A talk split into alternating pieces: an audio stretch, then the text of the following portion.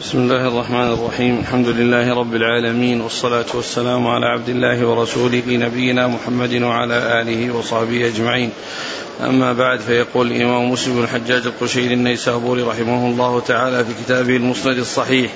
قال وحدثني محمد بن رافع قال حدثنا عبد الرزاق قال أخبرنا ابن جريج قال أخبرني عطاء عن ابن عباس رضي الله عنهما وعن جابر بن عبد الله رضي الله عنهما الأنصاري قال لم يكن يؤذن يوم الفطر ولا يوم الأضحى ثم سألته بعد حين لم يكن يؤذن يوم الفطر ولا يوم الأضحى. نعم. ثم سألته بعد حين عن ذلك فأخبرني قال أخبرني جابر بن عبد الله الأنصاري ألا أذان للصلاة يوم الفطر حين يخرج الإمام ولا بعدما يخرج ولا إقامة ولا نداء ولا شيء لا نداء يومئذ ولا إقامة. بسم الله الرحمن الرحيم. الحمد لله رب العالمين. وصلى الله وسلم وبارك على عبده ورسوله نبينا محمد وعلى آله وأصحابه أجمعين. أما بعد فهذا الحديث يتعلق بأن صلاة العيد ليس لها أذان ولا إقامة وإنما بالنسبة لعيد الفطر آه، إذا ثبت دخول شوال وأن الصوم انتهى وأن الليلة التي جاءت يعني هي إما مكملة للثلاثين ورؤية الهلال أو أنه أو أن أو أنه آه، أكمل آه، لم يرى الهلال وأكملت العدة فإن العيد يأتي بعد ذلك. والناس يخرجون من الغد لصلاة العيد فليس هناك حاجة إلى وكذا إلى إلى إلى, إلى إعلامهم لأن آه، إخبارهم أو علمهم بحصول العيد وأنه ثبت دخول الشهر أي شهر شوال فعند ذلك العيد وكذلك بالنسبة للحج لأن شهر الحج يعني يبنى عليه أحكام يعني عليه الوقوف بعرفة فيثبت دخوله من أول الشهر ويعرف دخوله من أول الشهر ويوم العيد هو اليوم العاشر. فالناس يأتون إليه ولا وليسوا بحاجة إلى أن ينادى ويؤذن وقال تعالوا لصلاة العيد أو هلموا لصلاة العيد. ليس هناك حاجة تدعو إلى ذلك. ف يعني فجاءت السنة يعني بهذا على أنه لا نداء ولا إقامة يعني الإقامة ولا إقامة لصلاة العيد. أعد المتن. لم يكن يؤذن يوم الفطر ولا يوم الأضحى. نعم. ثم سألته بعد حين عن ذلك فأخبرني قال أخبرني جابر بن عبد الله أن لا أذان للصلاة يوم الفطر حين يخرج الإمام ولا بعدما يخرج ولا إقامة ولا نداء ولا شيء. لا نداء يومئذ ولا إقامة. نعم. قال وحدثني محمد بن رافع عن عبد الرزاق. بن همام الصنعاني. عن ابن جريج. عبد الملك بن عبد العزيز بن جريج. عن عطاء. بن أبي رباح. عن ابن عباس وجابر بن عبد الله. رضي الله عنهما. وهما أحد السبعة المعروفين بكثرة الحديث عن النبي صلى الله عليه وسلم. لأن أصحاب رسول الله عليه الصلاة والسلام منهم سبعة كثر حديثهم عن رسول الله عليه الصلاة والسلام. وتجاوز الألف وتجاوز ألف حديث في كتب الكتب الستة. وهذان الصحابيان في هذا الأثناء في هذا الحديث ابن عباس وجابر ابن عبد الله رضي الله عنهما ممن كثرت أحاديثهم فزادت فوق على الألف. لأن سبعة زادت أحاديثهم على الألف في الكتب الستة و وغيرهم نقص عن الألف. وغيرهم نقص عن الألف. فهذان من السبعة المعروفين بكثرة الحديث عن النبي عليه الصلاة والسلام والذين ذكرهم السيوطي في ألفيته بقوله والمكثرون في روايته الأثر أبو هريرة يليه بن عمر وأنس والبحر البحر بن عباس كالخدري وجابر وزوجة النبي ستة رجال وامرأة واحدة. نعم. قال وحدثني محمد بن رافع قال حدثنا عبد الرزاق قال أخبرنا ابن جريج قال أخبرني عطاء أن ابن عباس رضي الله عنهما أرسل إلى ابن الزبير أول ما بويع له أنه لم يكن يؤذن للصلاة يوم الفطر فلا تؤذن لها. قال فلم يؤذن لها ابن الزبير يومه وأرسل إليه مع ذلك. إنما الخطبة بعد الصلاة وإن ذلك قد كان يفعل قال وإن ذلك قد كان يفعل قال فصلى ابن الزبير قبل الخطبة. ثم ذكر هذا الحديث المتعلق أيضا بكونه لا ينادى لها ولا يؤذن ولا يقام وأن ابن عباس أخبر ابن الزبير بذلك وطلب منه أن لا يحصل شيء من ذلك و وأيضا آه، ذكر بعد ذلك ابن عباس أرسل إلى ابن الزبير أول ما بويع له أنه لم لا في الآخر وأن وأرسل إليه مع ذلك أنما الخطبة بعد الصلاة. نعم. وأن ذلك قد كان يفعل. أن الخطبة بعد الصلاة وليست قبل الصلاة. هكذا ثبتت السنة عن رسول الله عليه الصلاة والسلام. وابن عباس وابن الزبير أحد العباد هما من العبادلة الأربعة الذين اشتهروا بلقب العبادلة ممن يسمى عبد الله. لأن الصحابة فيهم عدد يسمون عبد الله لكن اشتهر أربعة منهم بلقب العبادلة الأربعة. وذلك أن أنهم كانوا في سن متقارب وهم من صغار الصحابة وهم صحابة أبناء صحابة. كلهم صحابة أبناء صحابة. هذان الذين في هذا الحديث ابن عباس وابن الزبير وعبد الله بن عمرو وعبد الله وعبد الله بن عمرو وعبد وعبد الله بن عمر رضي الله تعالى عن الجميع. فهما صحابة أبناء صحابة. نعم. وغيرهم ممن يسمى عبد الله يعني عبد الله بن قيس الأشعري أبو موسى الأشعري وعبد الله بن مسلمة وعبد الله بن مسعود و وغيرهم. نعم. عبد الله بن سلام. نعم. عبد الله بن مسلمة. إيش؟ إيش؟ ذكرتم عبد الله بن مسلمة؟ اي نعم. من؟ وعبد الله بن مسلمة وعبد الله آه، بن مسعود. من عبد الله بن مسلمة؟ صحابي. وليس عبد الله بن سلام. لا لا لا. عبد الله بن سلام في عبد الله بن مسلم. صحابي عبد الله بن مسلم هذا من عباده. من مما يسمى عبد الله. وعبد الله بن سلام أيضا كذلك صحابي اللي هو اللي هو آه، آه، الذي جاء يعني ذكره قريبا في بعض الأحاديث. عبد الله بن سلام الصحابي رضي الله عنه.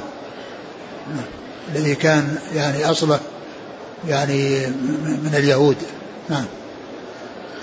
قال وحدثنا يحيى بن يحيى وحسن بن الربيع وقتيبة بن سعيد وأبو بكر بن أبي شيبة.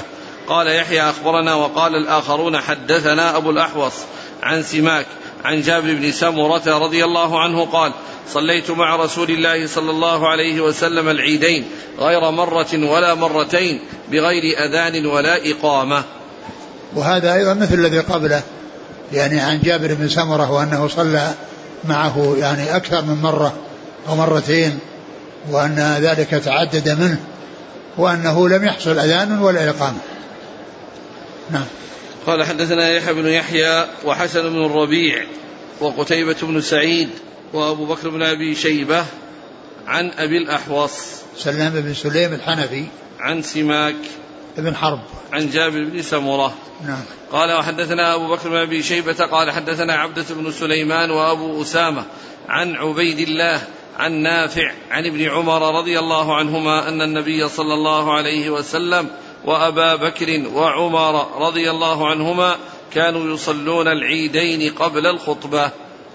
ثم ذكر هذا الحديث وأن العيدين أن صلاة العيد إنما تكون صلاة العيدين قبل الخطبة والخطبة تكون بعد الصلاة وهذا الذي كان عليه الرسول صلى الله عليه وسلم وأبو بكر وعمر. نعم. قال وحدثنا أبو بكر بن أبي شيبة عن عبده بن سليمان وأبي أسامة. حماد بن أسامة. عن عبيد الله بن عبيد الله بن عبيد الله بن عمر العمري المصغر. عن نافع عن ابن عمر. نافع مولى بن عمر. قال حدثنا يحيى بن أيوب وقتيبة وابن حجر. قالوا حدثنا إسماعيل بن جعفر عن داود بن قيس عن عياض بن عبد الله بن سعد عن أبي سعيد الخدري رضي الله عنه أن رسول الله صلى الله عليه وسلم كان يخرج يوم الأضحى ويوم الفطر فيبدأ بالصلاة. فإذا صلى صلاته وسلم قام. فأقبل على الناس وهم جلوس في مصلاهم. فإن كان له حاجة ببعث ذكره. فإن كان له حاجة ببعث ذكره للناس. أو كانت له حاجة بغير ذلك أمرهم بها. وكان يقول تصدقوا تصدقوا تصدقوا. وكان أكثر من يتصدق النساء. ثم ينصرف. ثم ينصرف فلم يزل كذلك. ثم؟ ثم ينصرف فلم يزل كذلك حتى كان مروان بن الحكم. فخرجت مخاصرا مروان. حتى أتينا المصلى فإذا كثير بن الصلت قد بنى منبرا من طين ولبن. فإذا مروان ينازعني يده كأنه يجرني نحو المنبر وأنا أجره نحو الصلاة. فلما رأيت ذلك منه قلت أين الابتداء بالصلاة؟ فقال لا يا أبا سعيد قد ترك ما تعلم. قلت كلا والذي نفسي بيده لا تأتون بخير مما أعلم. ثلاث مرار ثم انصرف. ثم ذكر هذا الحديث عن أبي سعيد الخدري رضي الله عنه وأن الرسول عليه الصلاة والسلام يعني كانت الصلاة يعني قبل الخطبة وأن الأمر كان على ذلك وأنه لما كان في زمن يعني في زمن يعني إمرة مروان يعني على المدينة وكان يعني جاء مخاصرا له يعني معناه متماسكين يعني أخذهم أحدهم آخذ بيد الآخر. فلما وصل إلى المكان الذي فيه الصلاة والخطبة آآ آآ ذهب مروان ليصعد على المنبر وابن وابو سعيد يعني يعني يأخذ به ليصلي يعني ومكان الصلاة. فقال له لما رآه عازم على أنه يصعد قال له أين الصلاة؟ قال قد قد ذهب ما تعلم. إيه؟ قد ترك ما تعلم. قد ترك ما تعلم. قد ترك ما تعلم الذي هو أن الصلاة قبل الخطبة. أن الصلاة يعني قبل الخطبة وهو يريد أن يخطب يعني قبل قبل قبل الصلاة. ومن من من من من من, من مما يقتضي ذلك أنه يريد أن الناس يسمعون الخطبة لأنهم سينتظرون الصلاة. بخلاف الاتيان بها بعد الصلاة فإنهم ينصرفون لأنهم قد صلوا. فقال له قال له ما قال ثم إن أبو سعيد قال ما أعلم خير مما مما لا أعلم ثم إنه انصرف. يعني انصرف إلى المكان الذي يجلس فيه. ليس معنى أنه خرج وترك ترك الصلاة وإنما صلى. قد جاءت بعض الروايات موضحة ذلك. فإذا هذا الانصراف إنما هو انصراف من من جذبه ومن منازعته إلى أن يبقى. ولهذا صلى مع الناس. فدل على فدل هذا أو استفيد من هذا أنه أن تقدم تأخر الخطبة ليس من شرط الصلاة وإنما هو خلاف الأولى وأنه لو قدمت الخطبة فإنه يعني آه، تصح الصلاة ولا يقال أنهم ما صلوا صلاة عيد لأنها قدمت الخطبة لأن لأن أبا سعيد جلس ولم يخرج. نعم. قال حدثنا يحيى بن أيوب قتيبة وابن حجر. علي بن حجر السعدي. عن إسماعيل بن جعفر عن داود بن قيس عن عياض بن عبد الله بن سعد عن أبي سعيد الخدري. نعم. قال أبو سعيد هو سعد بن مالك بن سنان. سعد أبو سعيد الخدري سعد بن مالك بن سنان. وهو أحد السبعة الذين عرفوا بكثرة الحديث كما مر آنفا.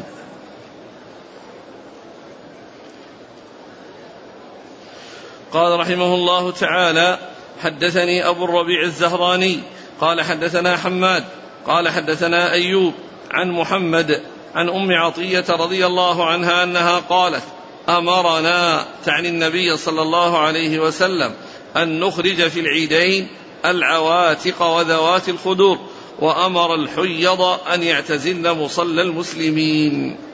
ثم ذكر هذه الأحاديث المتعلقة بالخروج إلى الصلاة إلى صلاة العيد وتأكدها وأهميتها وأنه حتى النساء وحتى العواتق التي التي بلغن أو قاربن البلوغ وكذلك ذوات الخدور يعني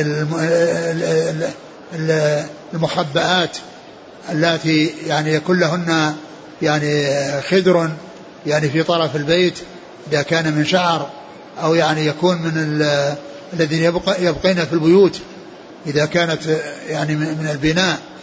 وأن تخرج يعني النساء بما فيهن العواتق وذوات الخدور لكن بشرط أن لا يحصل هناك فتنة يعني في خروجهن بأن يعني يكن يعني متطيبات أو يعني عليهن يعني شيء يغري ويدفع يعني غيرهن إلى الافتتان بهن. وكذلك الحيض يحضرن ويشهدن الخير ودعوة المسلمين ولكنهن يعتزلن المصلى يعني المكان الذي تكون فيه الصلاة لا يكن فيه وإنما يكن وراء يعني وراء النساء المصليات. يعني و وهذا يدل على أن المصلى يعني إذا حضرته النساء الحيض فإنهن لا يكن مع المصليات ولكن يتأخرن عن مكان الصلاة ولكنهن يشهدن الخير ويشهدن التكبير وسماع الخطبة وسماع المواعظ والعبر والعظات التي تكون في الخطبة. نعم. قال حدث قال حدثني أبو الربيع الزهراني عن حماد. أبو الربيع الزهراني سليمان بن داود وحماد بن زيد. عن أيوب. إذا جاء أبو الربيع الزهراني يروي عن حماد وهو غير منسوب فالمراد به حماد بن زيد. نعم. عن أيوب. بن أبي تميمة السقطياني عن محمد. وهو بن سيرين عن أم عطية. نعم. قال حدثنا يحيى بن يحيى قال أخبرنا أبو خيثمة عن عاصم الأحول عن حفصة بنت سيرين عن أم عطية رضي الله عنها أنها قالت كنا نؤمر بالخروج في العيدين والمخبأة والبكر قالت الحيض يخرجن فيكن خلف الناس يكبرن مع الناس ثم ذكر هذا الحديث من طريق أخرى عن أم عطية وهو مثل الذي قبله. نعم. قال حدثنا يحيى بن يحيى عن أبي خيثمة. أبو خيثمة زهير بن معاوية. و آه، أبو خيثمة يكنى به زهير بن معاوية ويكنى به زهير بن حرب. وزهير بن حرب من شيوخ مسلم بل هو ممن أكثر في الرواية عنه لأنه قيل أنه روى عنه أكثر من ألف ومئتين ألف ومئتين وثمانين حديث. يعني لأنه من شيوخه الذين أكثر عنهم. وكنيته أبو خيثمة. فإذا جاء في شيوخ مسلم يعني أبو خيثمة فهو زهير بن حرب. وإذا جاء في شيوخ شيوخه كما هنا فالمراد به زهير بن معاوية. كل منهما يسمى زهير إلا أن هذا يعني وكنيتهم جميعا أبو خيثمة إلا أن زهير بن حرب شيخ لمسلم وزهير بن معاوية شيخ لشيخه. نعم. عن عاصم الأحول. عاصم بن سليمان الأحول. عن حفصة بنت سيرين عن أم عطية. نعم. قال وحدثنا عمرو الناقد. قال حدثنا عيسى بن يونس. قال حدثنا هشام عن حفصة بنت سيرين عن أم عطية رضي الله عنها أنها قالت أمرنا رسول الله صلى الله عليه وآله وسلم أن نخرجهن في الفطر والأضحى العواتق والحيض وذوات الخدور. فأما الحيض فيعتزلن الصلاة ويشهدن الخير ودعوة المسلمين. قلت نعم. يا رسول الله إحدانا لا يكون لها جلباب. قال لتلبسها أختها من جلبابها. ثم ذكر هذا الحديث عن أم عطية وهو مثل الذي قبله وفيه يعني زيادة في الآخر أنه قالت إحدانا لا يكون لها جلباب يعني بحيث أنها تخرج وتغطي به وجهها وتغطي به رأسها أو تغطي به يعني شيئا كثيرا من جسدها فقال عليه السلام لتلبس لتلبسها أختها. يعني أنها آه، من من كان عنده فضل يعني يجود به على من كان محتاجا إليه. وقد يكون هذا يعني من قبيل ال ال ال ال ال الإحسان والبذل ولو لم يحصل ذلك يمكن أن يكون عن طريق العارية لا بأس بذلك. ولكن في الغالب أن يكون هذا من قبيل التعاون ومن قبيل الإحسان. ولو لم يحصل إلا عن طريق العارية فإن ذلك لا بأس به. قال حدثنا عمرو الناقد عن عيسى بن يونس عن هشام عن حفصة هشام بن حسان. نعم. عن حفصة بنت سيرين عن أم عطية. هشام هو بن حسان. نعم. يقول هل تجوز هل يجوز أن تخرج المرأة إلى المصلى وحدها والمصلى بعيد؟ إذا كان يعني آه، ما دام أن في البلد أو قريب من البلد ما في بأس لأن ما يحتاج إلى لكنها إذا كانت بحاجة إلى من يرافقها فعلت وإلا فإنها لو ذهبت يعني آه، لا بأس بذلك. التفريق بين آه، أداء صلاة العيد في المسجد أو في المصلى من حيث الوجوب على النساء. فإذا كان في المصلى يجب إذا كان في المسجد ما في وجوب أصلا. ما ما في وجوب. بعض أهل العلم أخذ أمرنا صلى الله عليه وسلم. لكن مو بوجوب. يعني ولكنه يعني مؤكد يعني تأكيد. وهذا من الأشياء المؤكدة يعني التي يعني ما ينبغي. ولكنه يعني سواء كانت في المسجد أو في المصلى. يعني كونها لكن الحيض كما هو معلوم يكون خارج المسجد إذا صار في المسجد. وأما إذا كان في, في العراء فإنهن يعني لا يكن مع المصليات ولكن يكن وراءهن. قال رحمه الله تعالى وحدثنا عبيد الله بن معاذ العنبري قال حدثنا أبي قال حدثنا شعبة عن عدي عن سعيد بن جبير عن ابن عباس رضي الله عنهما أن رسول الله صلى الله عليه وسلم خرج يوم أضحى أو فطر فصلى ركعتين لم يصل قبلها ولا بعدها. ثم أتى النساء ومعه بلال فأمرهن بالصدقة فجعلت المرأة تلقي خرصها وتلقي سخابها.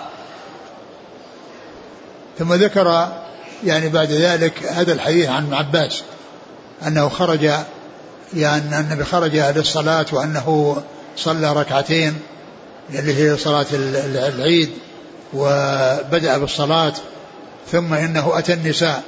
وقد سبق أن مر في الحديث أنه يعني خطب الرجال وقال تصدقوا تصدقوا تصدقوا وكان أكثر من يعني آه، يتصدق النساء.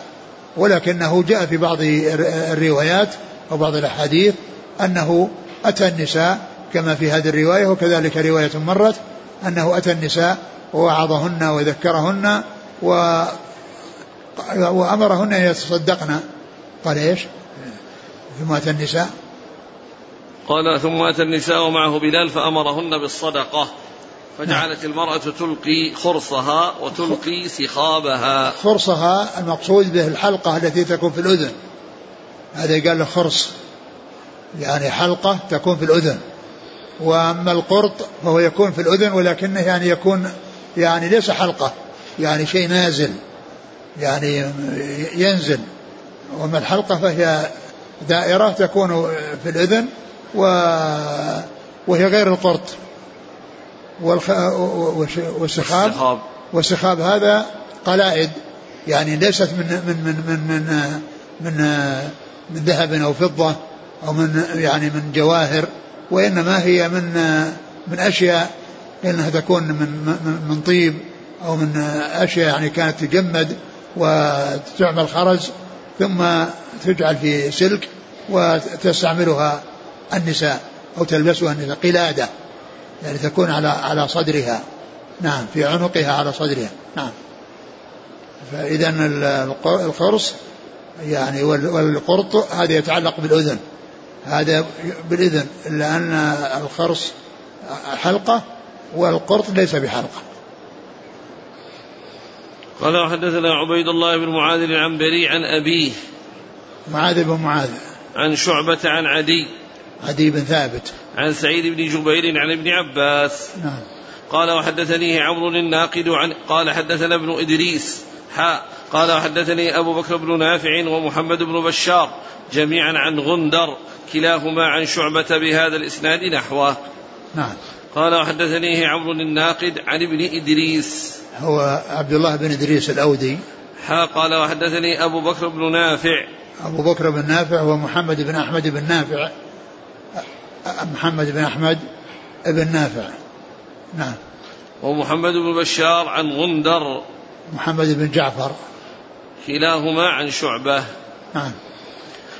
قال رحمه الله تعالى حدثنا يحيى بن يحيى قال قرأت على مالك عن ضمرة بن سعيد المازني. عن عبيد الله بن عبد الله أن عمر بن الخطاب رضي الله عنه سأل أبا واقل الليثي رضي الله عنه ما كان يقرأ به رسول الله صلى الله عليه وسلم في الأضحى والفطر؟ فقال كان يقرأ فيهما بقاف والقرآن المجيد واقتربت الساعة وانشق القمر. نعم.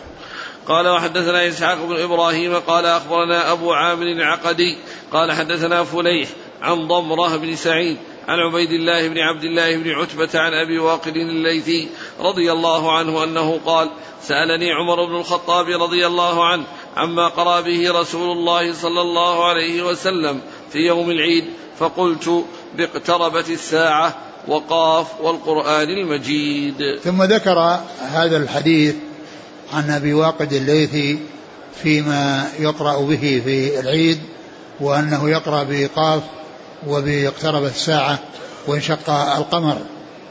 وفيه أن عمر سأل أبا واقد وأجابه بأنه يقرأ بهاتين السورتين.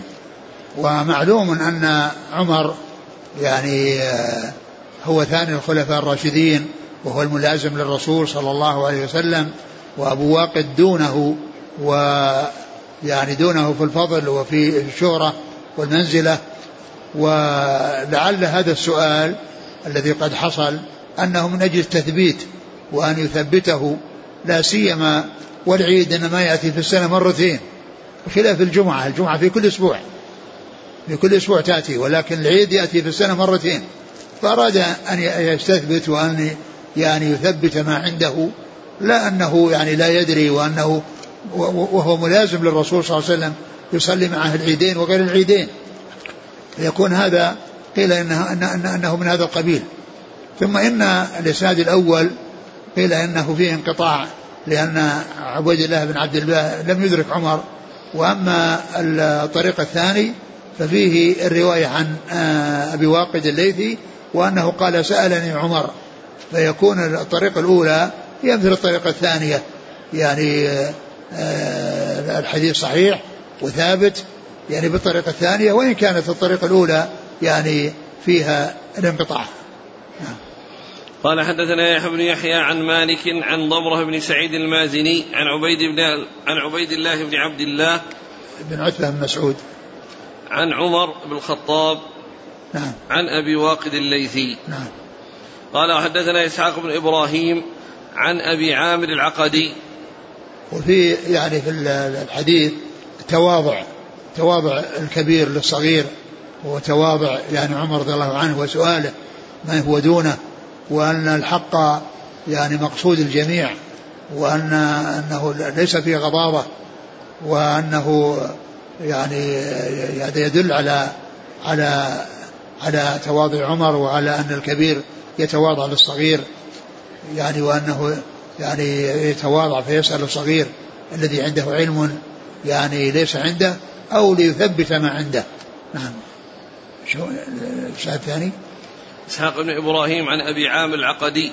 هو عبد الملك بن عمرو. عن فليح. بن سليمان. عن ضمرة بن سعيد عن عبيد الله بن عبد الله بن عتبة عن أبي واقد الليثي. نعم. قال رحمه الله تعالى حدثنا أبو بكر بن أبي شيبة قال حدثنا أبو أسامة عن هشام عن أبيه عن عائشة رضي الله عنها قالت دخل علي أبو بكر رضي الله عنه وعندي جاريتان من جوار وعندي جاريتان من جوار الأنصار تغنيان. تغنيان بما تقاولت به الأنصار يوم بعاث. قالت وليستا بمغنيتين. فقال أبو بكر بمزمور الشيطان في بيت رسول الله صلى الله عليه وسلم وذلك في يوم عيد. فقال رسول الله صلى الله عليه وسلم يا أبا بكر إن لكل قوم عيدا وهذا عيدنا. نعم. قال وحدثناه يحيى بن يحيى وأبو كريب جميعا عن أبي معاوية عن هشام بهذا الإسناد وفيه جاريتان تلعبان بالدف. نعم. قال حدثني هارون بن سعيد الأيلي قال حدثنا ابن وهب قال أخبرني عمرو أن ابن شهاب حدثه عن عروة عن عائشة أن أبا بكر رضي الله عنهما دخل عليها وعندها جاريتان في أيام منى. تغنيان وتضربان ورسول الله صلى الله عليه وسلم مسجى بثوبه فانتهرهما أبو بكر فكشف رسول الله صلى الله عليه وسلم عنه وقال دعهما يا أبا بكر فإنها أيام عيد وقالت رأيت رسول الله صلى الله عليه وسلم يسرني بردائه وأنا أنظر إلى الحبشة وهم يلعبون وأنا جارية فاقدروا قدر الجارية العربة الحديثة السن.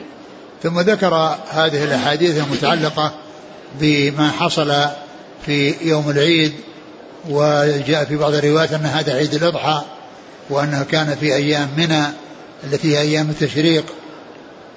وأن الرسول عليه الصلاة والسلام كان عندها وأن فيه جاريتين من جوار الأنصار وكنا يعني ينشدنا ما حصل في يوم في في في بعاث وبعاث هذا وقعة حصلت بين الأوس والخزرج بين الأوس والخزرج وانتصر الأوس فيها على الخزرج وكانت تذكر يعني الأشياء التي يعني حصلت يعني في هذه الحرب و فكان يعني ينشدان هذا النشيد الذي لا علاقة له بالتشبيب ولا علاقة له في يعني الأشياء التي فيها محذور يعني من ناحية الدعوة أو الفتنة المتعلقة بالغزل وبالافتتان بالنساء وإنما ينشدان أو يأتيان بهذا النشيد الذي هو من ما تقاولته يعني الأنصار يوم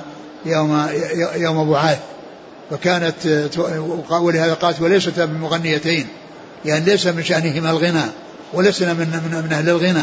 وإنما كنا يتقاولن بشيء يعني ليس من قبيل الغنى الذي فيه معذور وإنما هو شيء آه، يتعلق بشيء آه، شعر كانوا يقولونه فيما يتعلق بالحرب. التي أو هذه الوقعة التي وقعت بين الأوس والخزرج. فانتهرهما أبو بكر لما جاء وقال بمزمور الشيطان عند رسول الله صلى الله عليه وسلم فقال دعهما. يا أبا بكر فإن هذا يعني يوم عيد. وفي الرواية الثانية أنه معها دف معهما دف. وفي رواية البخاري وهما يدففان. يعني معناه أنه يعني يستعمل يستعمل الدف. وهذا فيه دليل على جواز استعمال الدف في مثل هذه الحالة ويكون من الجواري الصغيرة ولا يستعمله الرجال ولا ولا يستعمل إلا من مثل يعني هؤلاء الجواري التي آه، يحصل منهن ذلك يوم العيد. و ومعلوم أن الدف إنما يعني جاء فيما يتعلق بالزواج و يعني وأنه يستعمل الدف يعني في ذلك. وجاء في هذا ما يدل على استعماله في حق الجواري والصغيرات وأن ذلك لا بأس به. وقد ذكر الحافظ بن حجر عند شرعه لحديث تدففان الذي هو هذا الحديث ولكنه بهذا اللفظ ذكر قاعدة يعني آه، جميلة. فقال الأصل التنزه عن اللهو واللعب التنزه عن اللهو واللعب والاقتصار على ما جاء به النص يعني وقتا وكمية آه يعني آه حتى لا يخالف الأصل. يعني ذكر هذه القاعدة وهي أن مثل هذه الأمور يقتصر فيها على ما جاء بالنص ولا يتوسع فيه وأن الأصل هو التنزه عن اللهو واللعب إلا ما جاء فيه نص فإنه يقتصر عليه من حيث الوقت ومن حيث الكيفية. وهذا ذكر هذا في شرحه لهذا الحديث في صحيح البخاري آه، وهو في الجزء الثاني صفحة 443 وقد ذكرت أيضا هذه الفائدة في الفوائد المنتقاة. والأخير؟ ما يتعلق بالحبشة؟ قالت وقالت رأيت صلى الله عليه وسلم يسترني بردائه وأنا أنظر إلى الحبشة وهم يلعبون نعم. وأنا جارية. فاقدروا قدر الجارية العربة الحديثة السن. اقرأ اللي بعده. قال وحدثني أبو الطاهر قال أخبرنا ابن وهب قال أخبرني يونس عن ابن شهاب عن عروة بن الزبير قال قالت عائشة رضي الله عنها والله لقد رأيت رسول الله صلى الله عليه وسلم يقوم على باب حجرتي والحبشة يلعبون بحرابهم في مسجد رسول الله صلى الله عليه وسلم يسترني بردائه لكي أنظر إلى لعبهم ثم يقوم من أجلي حتى أكون أنا التي أنصرف فاقدروا قدر الجارية الحديثة السن حريصة على اللهو. قال حدثني هارون بن سعيد الأيلي ويونس بن عبد الأعلى واللفظ لهارون قال حدثنا ابن وهب قال أخبرنا عمرو أن محمد بن عبد الرحمن حدثه عن عروة عن عائشة رضي الله عنها قالت دخل رسول الله صلى الله عليه وسلم وعندي جاريتان تغنيان بغناء بعاث فاضطجع على الفراش وحول وجهه فدخل أبو بكر فانتهرني وقال مزمار الشيطان عند رسول الله صلى الله عليه وسلم. فأقبل عليه رسول الله صلى الله عليه وسلم فقال دعهما فلما غفل غمزتهما فخرجتا وكان يوم عيد يلعب السودان بالدرق والحراب فإما سألت رسول الله صلى الله عليه وسلم وإما قال تشتهين تنظرين؟ فقلت نعم فأقامني وراءه خدي على خده وهو يقول دونكم يا بني أرفدة. حتى إذا مللت قال حسبك؟ قلت نعم قال فاذهبي. ثم ذكر يعني بعد ذلك مع مع ما يتعلق بقصة الجاريتين قصة الحبشة الذين كانوا يلعبون بالمسجد بالحراب والدرق وهي من آلات الحرب وقد وجد ذلك منهم ورسول الله صلى الله عليه وسلم يعني يرى ذلك وكذلك يعني رآه بعض الصحابة وكان يعني أنكره عمر والرسول صلى الله عليه وسلم يعني يعني آه، آه، يعني أمره بأن لا يعني يفعل ذلك وكما حصل بالنسبة لأبي بكر أنه يدع الجاريتين. وفيه أن عائشة رضي الله عنها كانت تنظر إلى الحبشة وأن الرسول صلى الله عليه وسلم يسترها وأن يعني خدها على خده يعني على كتفه يعني تنظر. ومعلوم أن هذا النظر الذي يحصل ليس نظرا إلى ليس من قبيل نظر النساء إلى الرجال وأنها تنظر إلى وجهه ويعني تتأمله وإنما هذا في أناس يتحركون ويقفزون وإنما ترى حركاتهم. ولا تنظر إلى البدن الذي هو وجه الإنسان فإن هذه مسألة وهذه مسألة. يعني فلا يستدل به على أن المرأة تنظر للرجل وأنها تتأمل فيه فإن ذلك لا يسوق بل الله عز وجل أمر بغض الأبصار للرجال وللنساء. قل من يغضوا من أبصارهم وقل من يغضون من أبصارهن يعني فلا ينظر. لا تنظر النساء إلى الرجال والرجال ينظرون إلى النساء وإنما يغضون أبصارهم. وإنما المقصود من ذلك أنها كانت ترى حركات يعني من شيء يعني من بعد يعني ليس عند ليس قريبا منها وتراهم يتحركون ولا آه تخصص في وجوههم وتتأمل في وجه الواحد منهم.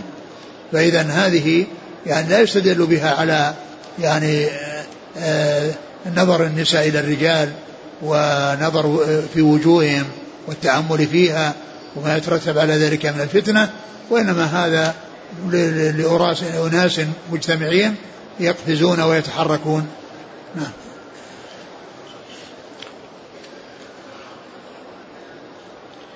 قال حدثنا أبو بكر بن أبي شيبة عن أبي أسامة. حماد بن أسامة. عن هشام عن أبيه. هشام بن عروة. عن أبيه عن عائشة. نعم. قال وحدثناه يحيى بن يحيى وأبو كريب. محمد بن العلاء بن كريب. عن أبي معاوية. محمد بن خازم الضرير الكوفي. قال حدثني هارون بن سعيد الأيلي عن ابن وهب. عبد الله بن وهب. عن عمرو. عمرو بن الحارث. عن ابن شهاب. نعم. عن عروة عن عائشة. قال وحدثني أبو الطاهر. أحمد بن عمرو بن السرح عن ابن وهب عن يونس عن ابن شهاب. يونس بن يزيد الأيلي. قال حدثني هارون بن سعيد الأيلي ويونس بن عبد الأعلى عن ابن وهب عن عمرو عن محمد بن عبد الرحمن. محمد بن الرحمن بن نوفل لو قال له يتيم عروة. عن عروة عن عائشة. آه. قال حدثنا زهير بن حرب قال حدثنا جرير عن هشام عن أبيه عن عائشة رضي الله عنها قالت جاء حبش يزفنون في يوم في يوم عيد في المسجد فدعاني النبي صلى الله عليه وسلم فوضعت رأسي على منكبه فجعلت أنظر إلى لعبهم حتى كنت أنا التي أنصرف عن النظر إليهم. وهذا مثل الذي قبله يزفنون يعني معناه أنهم يتحركون ويقفزون. قال حدثنا زهير بن حرب عن جرير. بن عبد الحميد. عن هشام عن أبيه عن عائشة. نعم. يؤخذ منه جواز هذا العمل في المسجد؟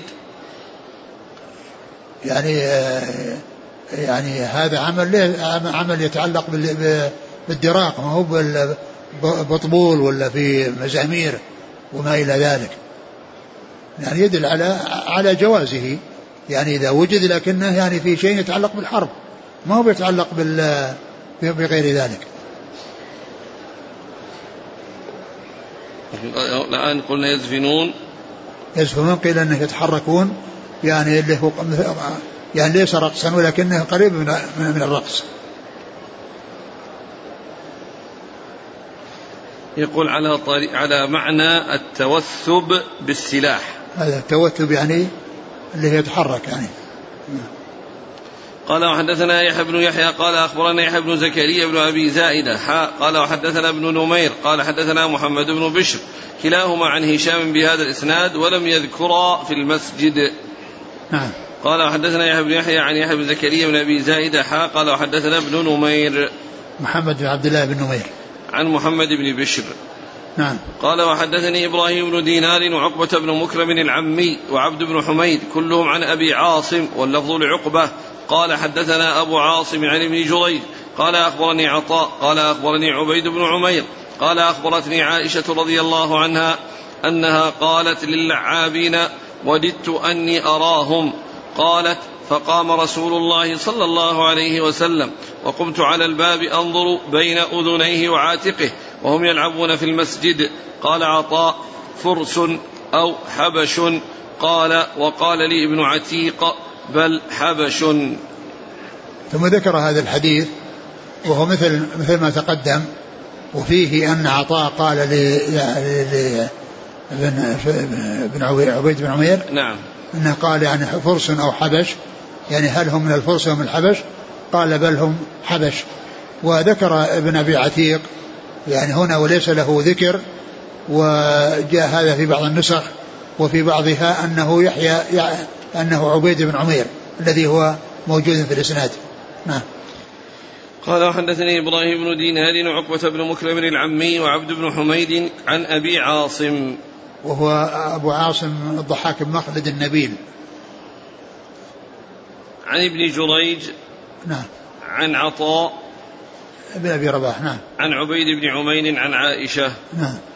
قال وحدثني محمد بن رافع وعبد بن حميد قال عبد أخبرنا وقال ابن رافع حدثنا عبد الرزاق قال أخبرنا معمر عن الزهري عن ابن المسيب عن أبي هريرة رضي الله عنه أنه قال بينما الحبشة يلعبون عند رسول الله صلى الله عليه وسلم بحرابهم إذ دخل عمر بن الخطاب رضي الله عنه فأهوى إلى الحصباء يحصبهم يحصبهم بها فقال له رسول الله صلى الله عليه وسلم دعهم يا عمر.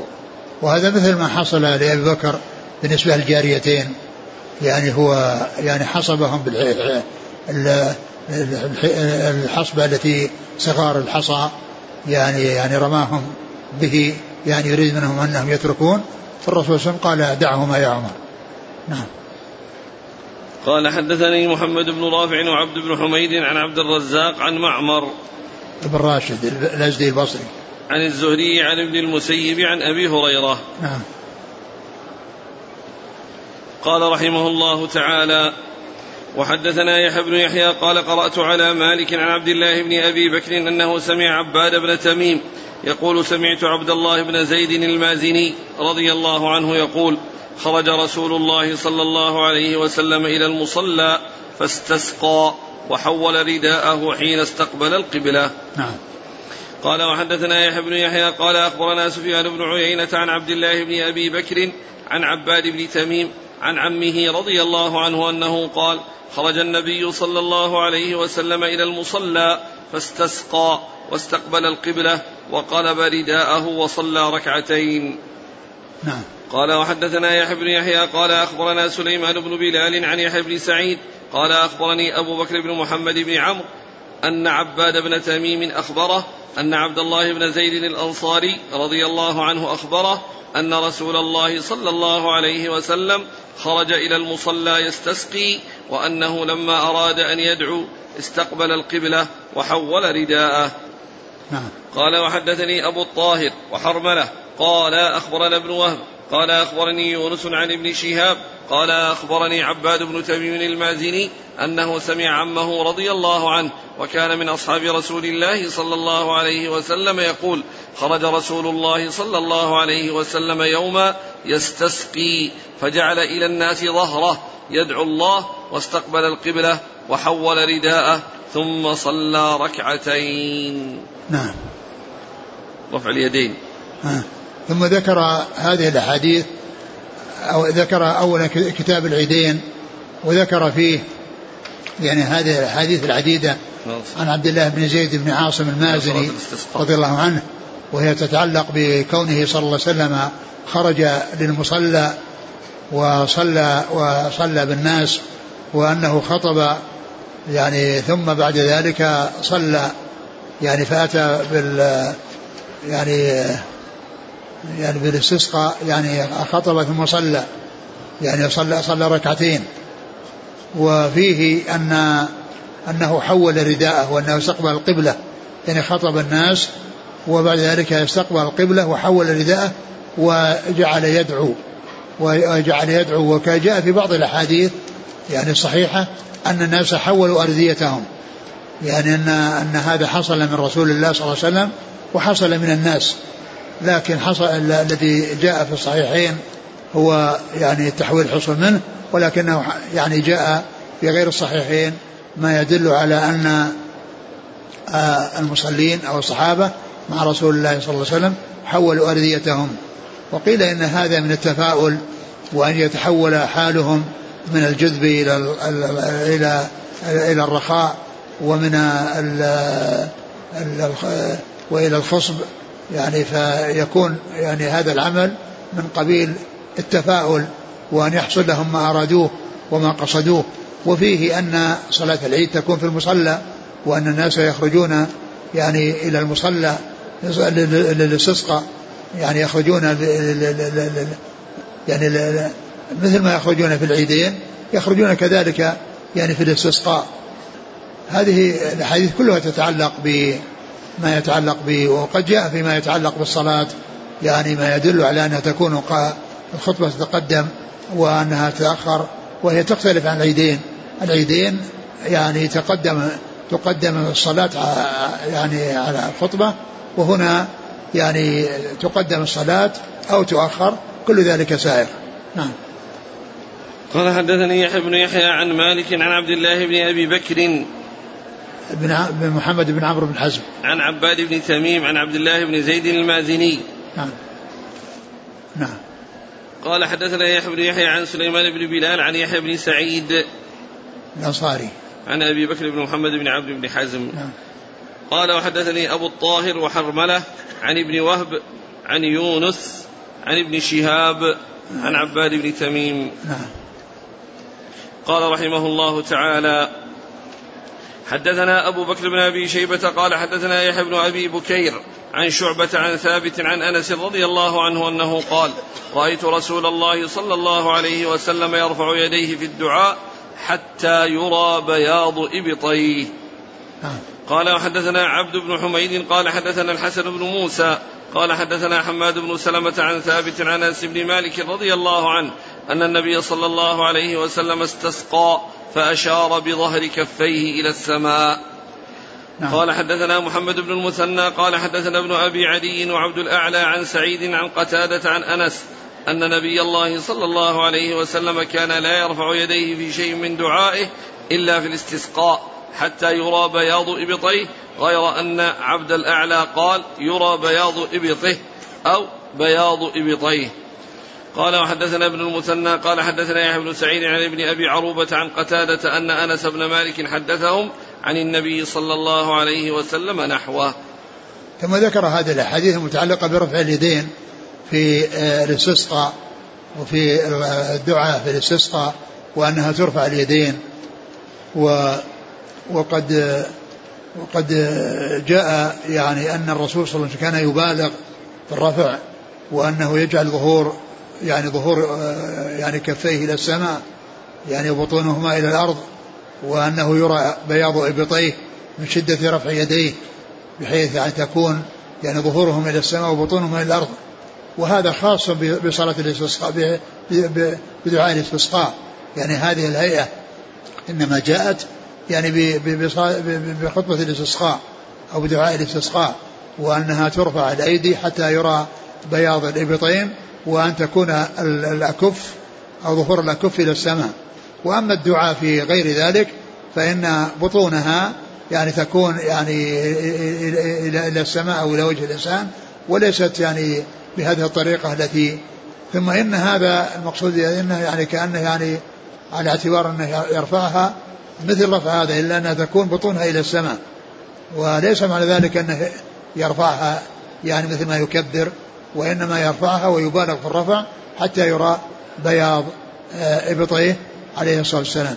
وجاء في حديث أنس الأخير أنه قال أنه لم يكن يرفع يديه إلا في الاستسقاء. وهذا يعني محمول يعني له يعني معلوم أن الرسول صلى الله عليه وسلم رفع يديه في مواضع كثيرة. وجاء فيه يعني عدة مواضع عديدة ثبت بها السنة بأنه كان يرفع يديه في غير الاستسقاء. فيحمل كلام أنس هذا على أمرين أو يوجه بأمرين. أحدهما أنه لا يرفع الرفع الشديد الذي يعني فيه المبالغة حتى يرى بياض الإبطين وحتى تكون ظهور الكفين إلى السماء. يعني فيحمل على الرفع الشديد الذي اختص به. يعني لم يكن يرفعه إلا في الاستسقاء ولا يرفعها هذا الرفع في غيره. أو يحمل على أن أنس نفى يعني يعني عن غير عن رفع اليدين في غيره وغيره أثبت وغيره أثبت ذلك. فيكون من أثبت يعني هو يعني معول على إثباته ومن حفظ حجة على من لم يحفظ. ولكن يمكن أن يكون آه، أنس أراد المبالغة فقط وأنه لم ينفي أن يكون رفع يديه في مواضع أخرى. نعم. قال وحدثني عبد بن حميد عن حسن بن موسى عن حماد بن سلمة عن ثابت بن أسلم البناني. عن أنس بن مالك. نعم. قال وحدثنا محمد بن المثنى عن ابن أبي عدي. هو محمد بن إبراهيم. وعبد الأعلى. ابن عبد الأعلى. عن سعيد عن قتادة. سعيد بن أبي عروبة. عن قتادة عن أنس. نعم. قال وحدثنا ابن المثنى عن يحيى بن سعيد. وقطان عن ابن أبي عروبة عن قتادة عن أنس. نعم. قال رحمه الله تعالى وحدثنا يحيى بن يحيى ويحيى بن أيوب وقتيبة وابن حجر. هذا يحيى بن سعيد القطان من طبقة شيوخ شيوخ مسلم وفيه يعني في طبقته أيضا يحيى بن سعيد الأموي وفي طبقة متقدمة يحيى بن سعيد الأنصاري ويحيى بن سعيد يعني التيمي يحيى بن سعيد التيمي هذان في طبقة متقدمة طبقة صغار التابعين ويحيى بن القطان مع يحيى الأموي من طبقة شيوخ شيوخ يعني مسلم ف يعني وهذا يسمى في علم المصطلح المتفق والمفترق وهو أن تتفق أسماء الرواة وأسماء آبائهم وتختلف أشخاصهم وتختلف أشخاصهم و وكما هو معلوم يعرف ذلك بالشيوخ والتلاميذ ويعرف ذلك بالطبقة لأن إذا جاء يحيى بن سعيد ويحيى بن سعيد الأموي فإنهم في طبقة متأخرة يحمل على أنه في طبقة متأخرة. ولو جاء يحيى بن سعيد يعني آآ آآ اللي هو الأنصاري أو يحيى بن سعيد التيمي فهما في طبقة متقدمة فيعرف ذلك يعني بالطبقات. وطبقاتهم وتصور يعني موضعهم من الأسانيد. فإذا كان من الطبقة المتقدمة في صار التابعين وإما هذا وإما هذا اللي هو يحيى بن سعيد الأموي يحيى بن سعيد التيمي ويحيى بن سعيد الأنصاري.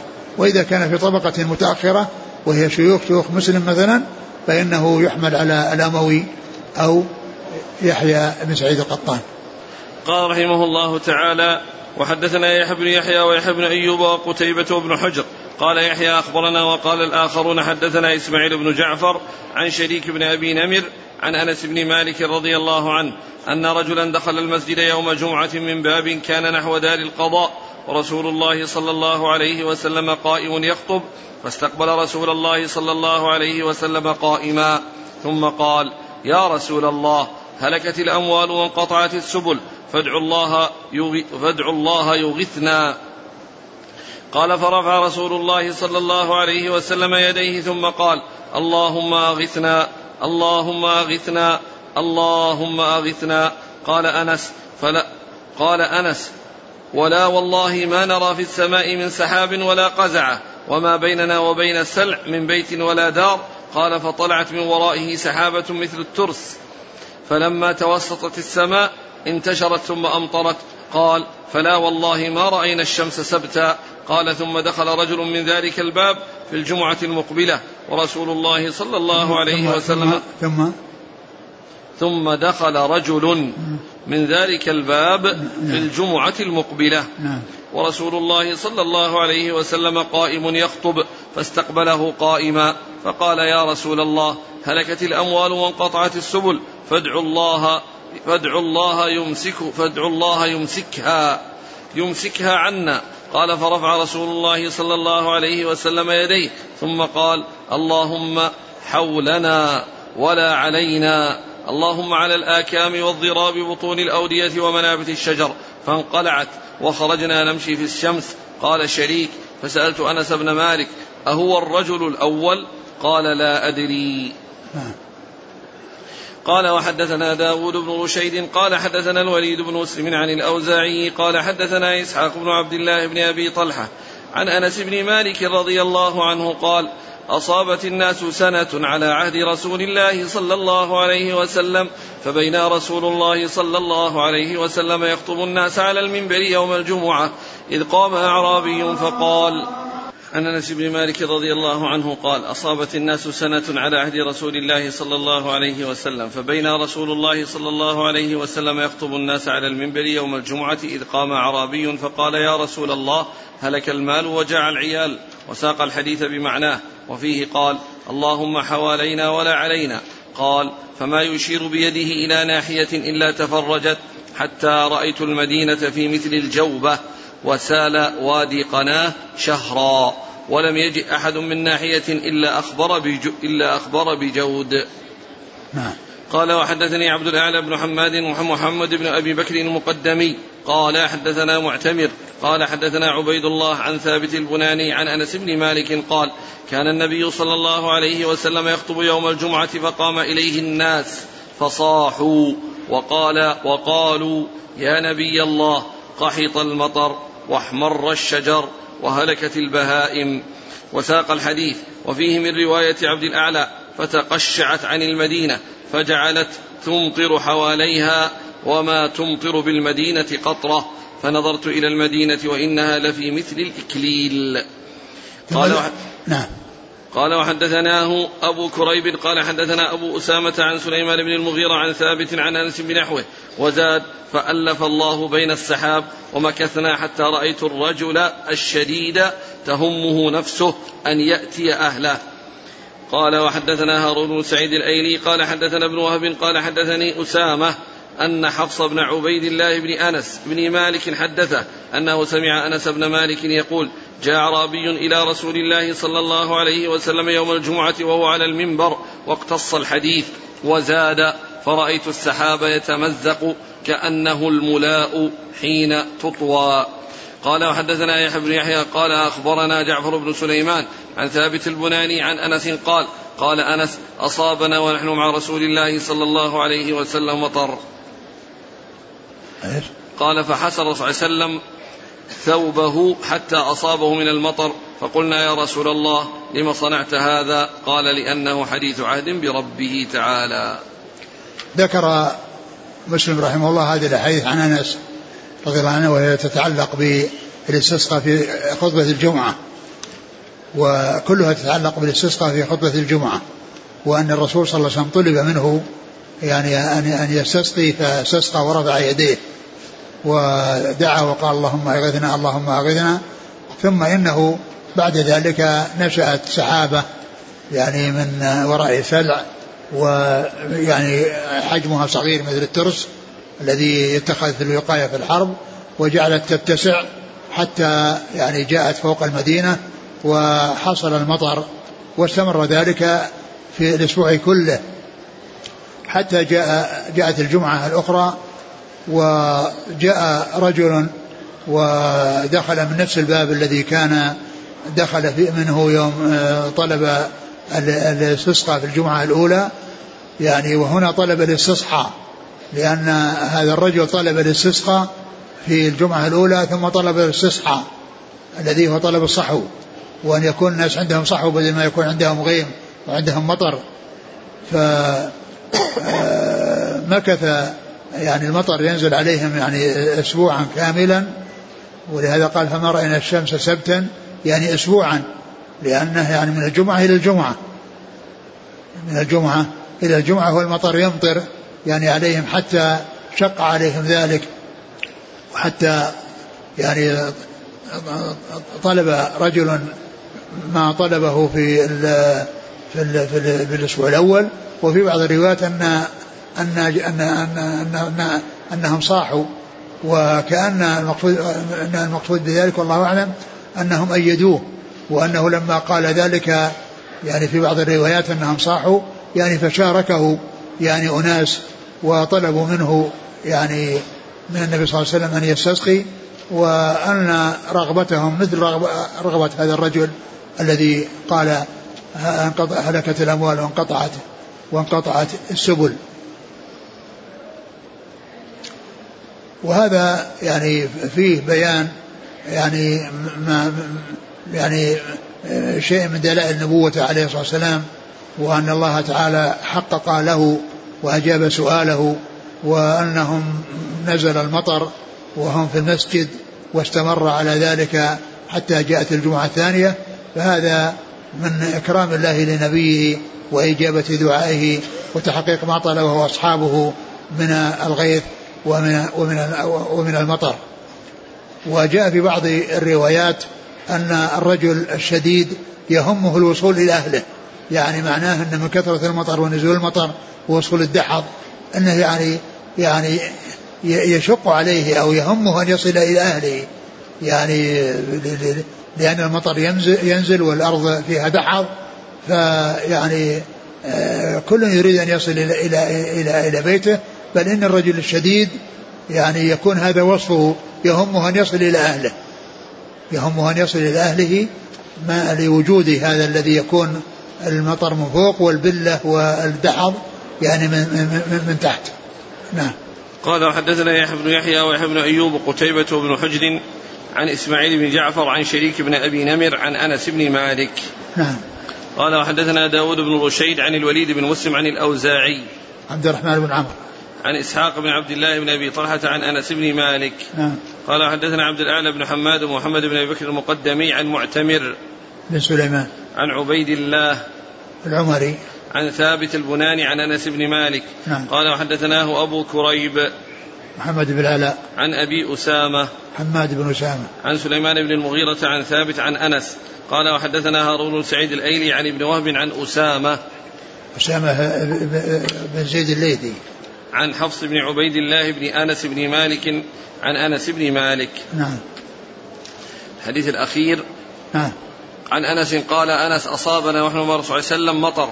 قال فحسر رسول الله صلى الله عليه وسلم ثوبه حتى أصابه من المطر. فقلنا يا رسول الله لم صنعت هذا؟ قال لأنه حديث عهد بربه تعالى. ثم ذكر هذا الحديث الذي فيه أن المطر إذا نزل وأن الإنسان يعني يكشف رأسه ويكشف شيء من جسده حتى يصيبه المطر وأن الرسول صلى الله عليه وسلم فعل ذلك.